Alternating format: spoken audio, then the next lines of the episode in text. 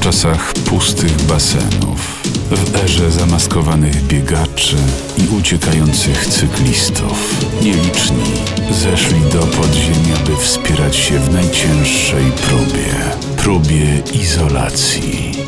Suchy Tor Broadcast. Terapia dla uzależnionych od chloru, potu i ucisku.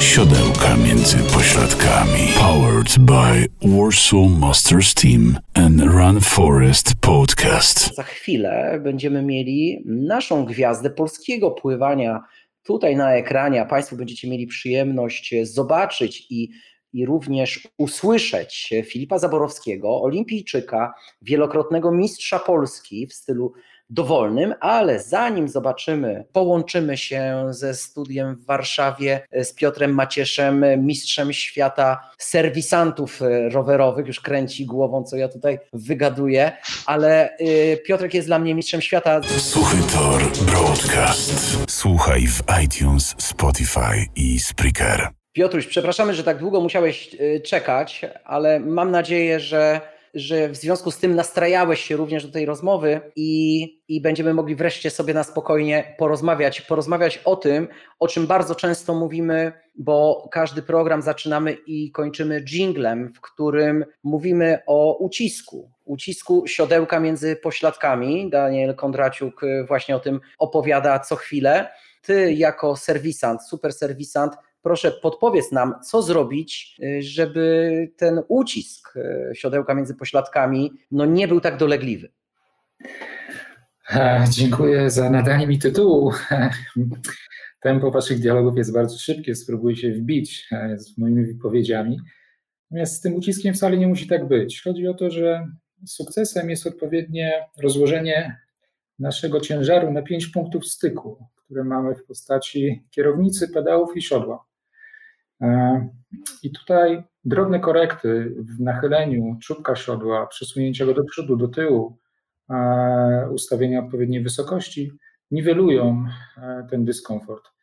Drugą rzeczą jest strój, w którym jeździmy. Spodenki z wkładką no, są niezbędnym i koniecznym elementem, przy których już nie stosujemy dodatkowej bielizny, mm, która niepotrzebnie nam tworzy barierę wilgoci i, i jakichś tam odgnieceń.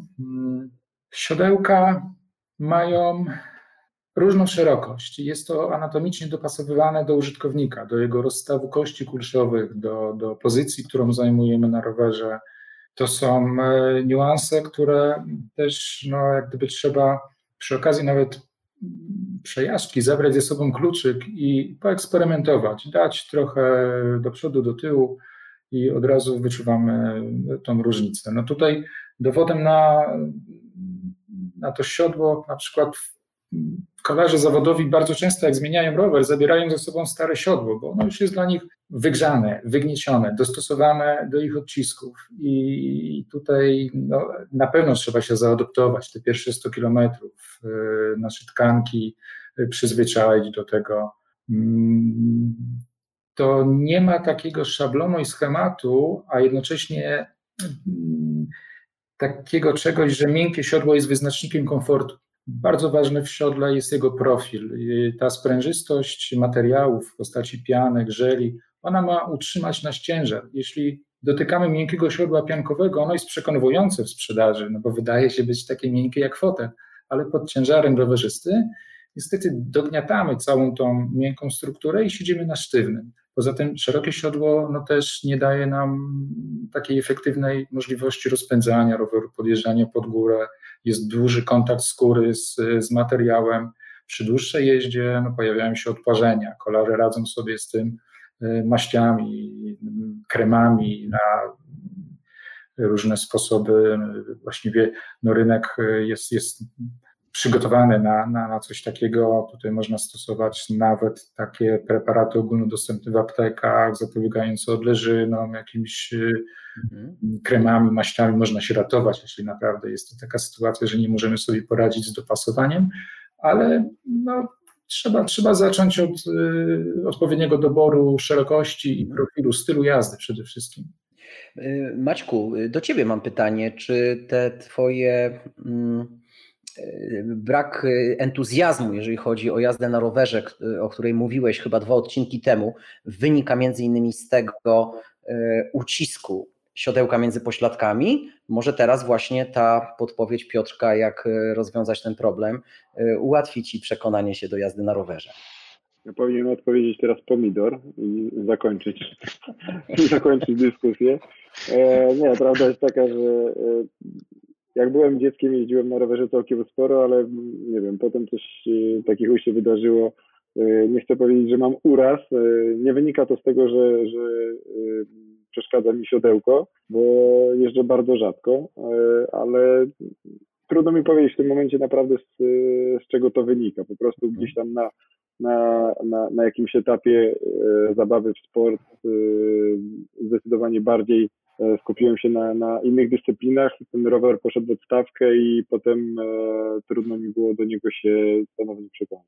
Ja mam do Ciebie prośbę, umów się kiedyś z Piotrkiem na przejażdżkę rowerową, on na pewno znajdzie czas tak. i zobaczysz, po takiej przejażdżce zobaczysz, że odzyskasz przyjemność z jazdy na rowerze i może nawet złapiesz bakcyla Mm, Paweł, powiedz mi, e, no, po tak obszernej wypowiedzi Piotrka dotyczącej, w ogóle nie wiedziałem, że można tyle mówić o siodełku między pośladkami i problemach z tym związanym. E, jakie mogą powstać problemy? E, powiedz mi, czy tobie się zdarza, że ten tyłek boli cię na trenażerze od tego siodełka, a może masz jakieś inne problemy związane z pozycją czy ze swoim rowerem, na którym jeździsz? Znaczy, wiesz, ja zacznę od tego, że trenażer to jest u mnie dodatek do, do tego, co robię na szosie. E, czyli, czyli tak naprawdę trenażer to jest bardzo, bardzo stabilne, stabilne środowisko jazdy, więc e, jak raz to ustawisz na całe życie jest ok. Bardziej zawsze mam problem e, z pierwszym wjazdem na szosę gdzieś tam po sezonie zimowym. Mam dwa różne rowery, jeden na trenażerze cały czas wpięty, drugi, którym sobie jeżdżę, jak mi pogoda na to pozwala, ewentualnie warunki tak jak teraz się to wydarza. Mam, mam na początek pytanie do Piotra, czy ty się zajmujesz bike fittingiem też, czy, czy, czy tylko naprawą rowerów? Jak, jak to wygląda? Bo, bo nie znam tej strony historii twojej. Jest to, Paweł, to się zazębia. No tutaj to jest takie wstępne dopasowanie klienta, bo żeby mówić o bike to trzeba naprawdę tylko jemu się poświęcić i mieć sztab dobrego fizjologa, mm, który nie pracuje z jakimiś narzuconymi szablonami, tylko rozpatruje indywidualnie y, y, klienta, zawodnika, użytkownika, y, biorąc pod uwagę jego przeszłość, jego kontuzję, najefektywniejszym fittingiem jest taki fitting dynamiczny, gdzie możemy śledzić cały ten ruch. Natomiast ta wstępne takie dopasowanie roweru przy zakupie jest już takim standardem i to też jest tak, że producenci klasy premium nie wypuszczają rowerów przypadkowych. Ta pozycja wstępnie ustalona y, może się okazać bardzo dopasowana i te drobne korekty przy okazjonalnej jeździe rekreacyjnej są, są wystarczające. Natomiast zawodnik, który jest świadomy, ma, ma, ma, no, wie, co mu przeszkadza, tak, jest to narzędzie, które pomaga, ale ja, ja no, niestety nie mam jeszcze w swoich usługach takiego mocno rozbudowanego fittingu. Przepraszam teraz, że wejdę w słowo.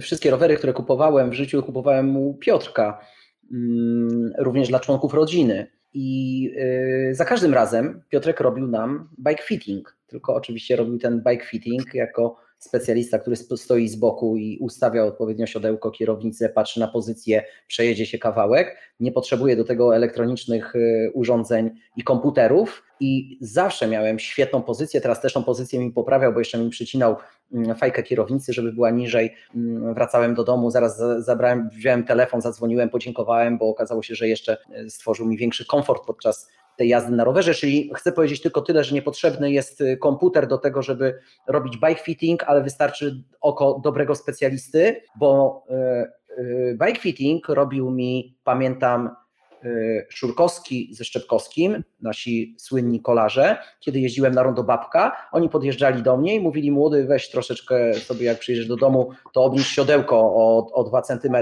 albo następnym razem cofnij jeszcze 5 mm, bo y, trochę za blisko siedzisz, y, prawda, wysunięty, więc oni korygowali, robili ten bike fitting, bike fitting w ten sposób. Piotruś, w poniedziałek rusza sezon rowerowy, nie tylko biegowy. Mm, mamy pozwolenie, będziemy mogli wychodzić outdoor i tam uprawiać sport. Powiedz, co powinniśmy zrobić, żeby ta nasza pierwsza jazda na rowerze nie okazała się katastrofalna, czyli żeby nie powstał jakiś defekt, który po tej przerwie może się, przerwie związanej z okresem zimowym, może się w rowerze zadziać, żebyśmy przynajmniej na tym rowerze mogli dojechać do serwisu rowerowego na co powinniśmy zwrócić uwagę po zimie?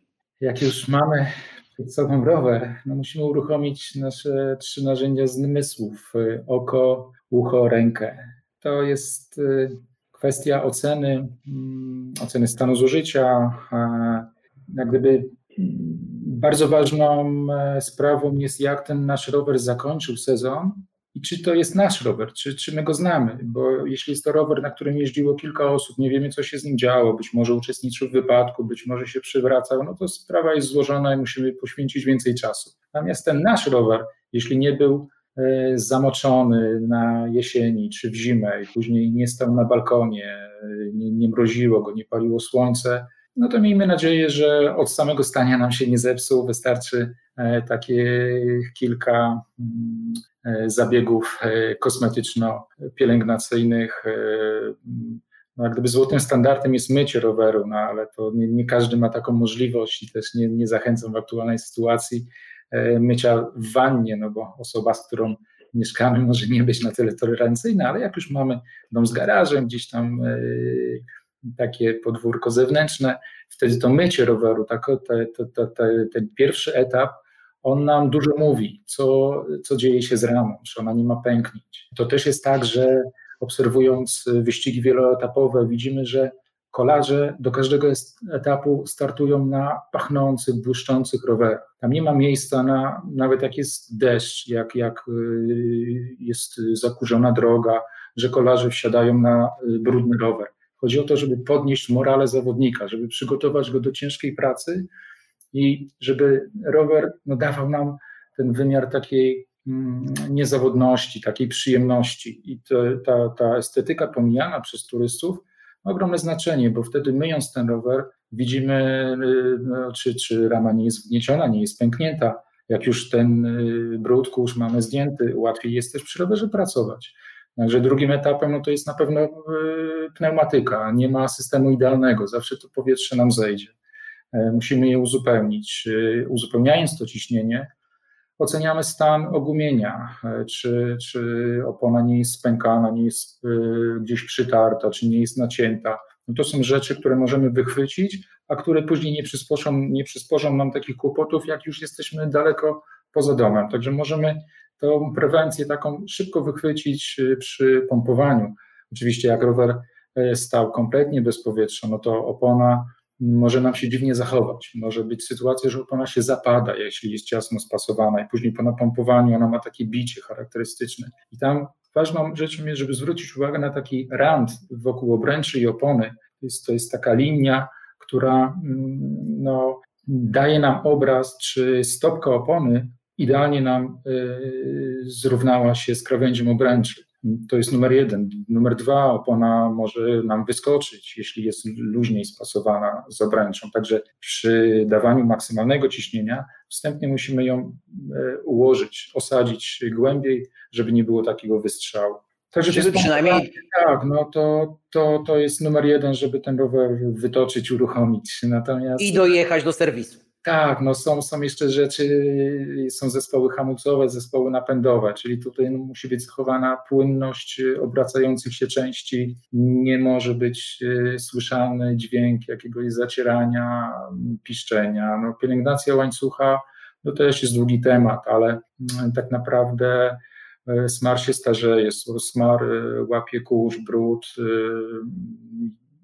brak smaru też jak gdyby usztywnia nam ogniwa w łańcuchu. Jest to element bardzo znaczący mm, dla roweru, bo on tak naprawdę przenosi nam wszystkie mm, takie odczucia, dźwięki, precyzję działania, niezawodność, szybkość zmiany biegów, y, no to, to jest takie to właściwie serce. No i to, to, to musimy uwzględnić, jeśli mamy za dużo tego smaru, to też nie jest dobrze, bo wtedy tworzymy taką pastę ścierną, do której każdy brud, każde ziarenko piasku nam się e, zalepia, to też nie jest wskazane. Także ta umiarkowana ilość oliwy polewana na wewnętrzną stronę łańcucha jest wystarczająca po jego wcześniejszym e, wyczyszczeniu. No, jeśli nie mamy takich zaawansowanych preparatów od tłuszczarzy, możemy użyć zwykłej szmatki, po prostu zetrzeć ten stary smar, żeby mm, troszkę oszczędzić. Piotruś, a no. jak już sobie, jak, jak już sobie nie radzimy z tymi elementami, y, to oczywiście musimy zaprowadzić rower do serwisu. Ale Wojtek Łuczyński nam podpowiada, że do serwisu oddajemy czysty rower. Powiedz, y, zdarza ci się, że przyprowadzany jest rower brudny do ciebie? Tak, to by było miłe, gdyby wstępnie on był no. To, to jest. E, inaczej powiem, przepraszam, zapytam inaczej. Czy jest różnica w podejściu do roweru, Twoim podejściu do roweru, mm, kiedy klient przyprowadzi Ci rower brudny, a drugi klient przyprowadzi rower umyty, czyściutki? Do klienta tak, do roweru chyba nie. A każdego klienta traktujemy tak samo, natomiast y, no, jeśli widzisz tą dbałość o detale, to też starasz się taki finish w tym rowerze wykonać no, na maksymalnym poziomie, żeby, żeby ten właściciel to docenił. No, to jest, myślę, że mało kto z nas odważyłby się zanieść brudne buty do szewca po przejściu przez trawnik na przykład. Mhm. To takie szybkie porównanie, ale dające wymiar i obraz tego wszystkiego. A wiem, że nieraz no, w większości przypadków w blokach nie mamy takich warunków, żeby to myć, no ale no, są takie sytuacje ewidentne, takiej nonszalancji, zaniedbania. To no, też nie ma, nie ma co jak gdyby dramatyzować. No, różne, różne jest podejście. Niektórzy traktują rowery komunikacyjnie, jest im to obojętne czy się kręci, czy piszczy, a są tacy, no myślę, że Paweł jest takim przykładem, dowodem na to, że dba o swój sprzęt na zasadzie właśnie biżuterii. Tak jest, Paweł? Staram się i tutaj właśnie pięknie połączyłeś Wojtka, który zadaje pytanie o czyste rowery, bo Wojtek e, kilka razy serwisował mój rower, to jest, to jest mój kolega. E, nie wiem, czy on we mnie nie bije tym czystym rowerem. E, życie. Wiesz no sobie, jeszcze mam jedno, jedno pytanie, które może być tak. e, dla niektórych bardzo oczywistym, odpowiedź może być bardzo oczywista, ale, ale wielu, którzy jeżdżą na rowerach amatorsko, nie przejeżdżają tam dziesiątek tysięcy kilometrów e, rocznie, tylko przejeżdżają sobie e, raz na dwa tygodnie w weekend, wyskakują na rower. Pe pewnych rzeczy nie jesteśmy w stanie my, jako użytkownicy roweru, bez specjalistycznego sprzętu naprawić. Ale co sugerowałbyś, żeby każdy miał, nie wiem, w tylnej kieszonce czy w torbie, pod siodełkiem. Co, co powinniśmy mieć ze sobą, żeby przeżyć tak trudną rzecz jak wyjazd na 100 kilometrów? Tak, to rowery są coraz bardziej zaawansowane technologicznie, materiałowo. Stosujemy coraz bardziej wyszukane narzędzia. Te narzędzia muszą być z dobrego materiału. Jeśli zastosujemy w drogim rowerze kluczyk taki dawany gdzieś tam do montażu mebli, e, który będzie zbyt miękki, obrobi nam tą śrubę, no, no, no jest problem. E, zbyt duża siła potrafi zniszczyć elementy wykonane z włókna węglowego, delikatne śruby we wspornikach, w jakichś elementach łączących. To, co powinniśmy mieć na pewno w trasie, żeby być niezależnym, no to numer jeden to jest ogumienie. E, no są systemy bezdętkowe, do których stosuje się takie uszczelniacze, silanty, to są takie mm, określane jako pit stopy, pianki, które pod ciśnieniem wypełniają nam oponę i do 6 mm są takim systemem samonaprawczym. Jeśli to cięcie jest głębsze, jeśli opona jest gdzieś tam no, mocniej mm, szarpnięta, wtedy możemy w to miejsce założyć dętkę, także tą dętkę warto mieć, a jeśli nie dętkę, to nawet chociaż same łatki do naprawy tej dętki, no i pompkę, żebyśmy mieli czym, czym e, wypełnić to ciśnienie. Zestaw podręcznych kluczy. Większość rowerów, e, śruby regulacyjne, które możemy we własnym zakresie zrobić gdzieś na trasie, to są kluczyki ampulowe 4, 5, 6 mm. Trzy klucze, które obsługują nam e, takie mm, awarie typu gdzieś tam wyciągnięta linka, opadające siodło, luzująca się kierownica. Wtedy możemy, możemy sobie tym poradzić. Także to w trasie, to co możemy zrobić, to te dwa elementy. No, no reszta to są złota karta i wzywać pomoc. Albo akcja Uber i, i zabieramy rower do bagażnika. mm, Maciek na pewno będzie zainteresowany odpowiedzią na moje pytanie, ponieważ ma y, córkę i syna i to są dzieci, które z pewnością lubią jeździć na rowerze, nie tak jak ojciec. Y, ale moje pytanie już nie będzie dotyczyło mm, nie będzie dotyczyło y, technicznych, technicznej strony tego roweru, ale bezpieczeństwa. To znaczy, po przerwie zimowej wychodzimy na ścieżki rowerowe, ulice, chodniki na tych rowerach. Powiedz Piotrze, jakie zagrożenia czyhają na nas, rowerzystów, kolarzy?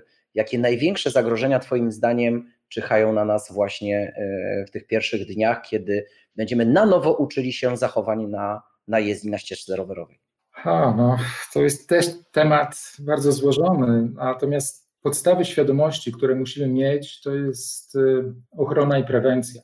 Z rzeczy typu ochrona mamy na głowie tylko kask. Nic więcej w rowerze się nie wymyśli.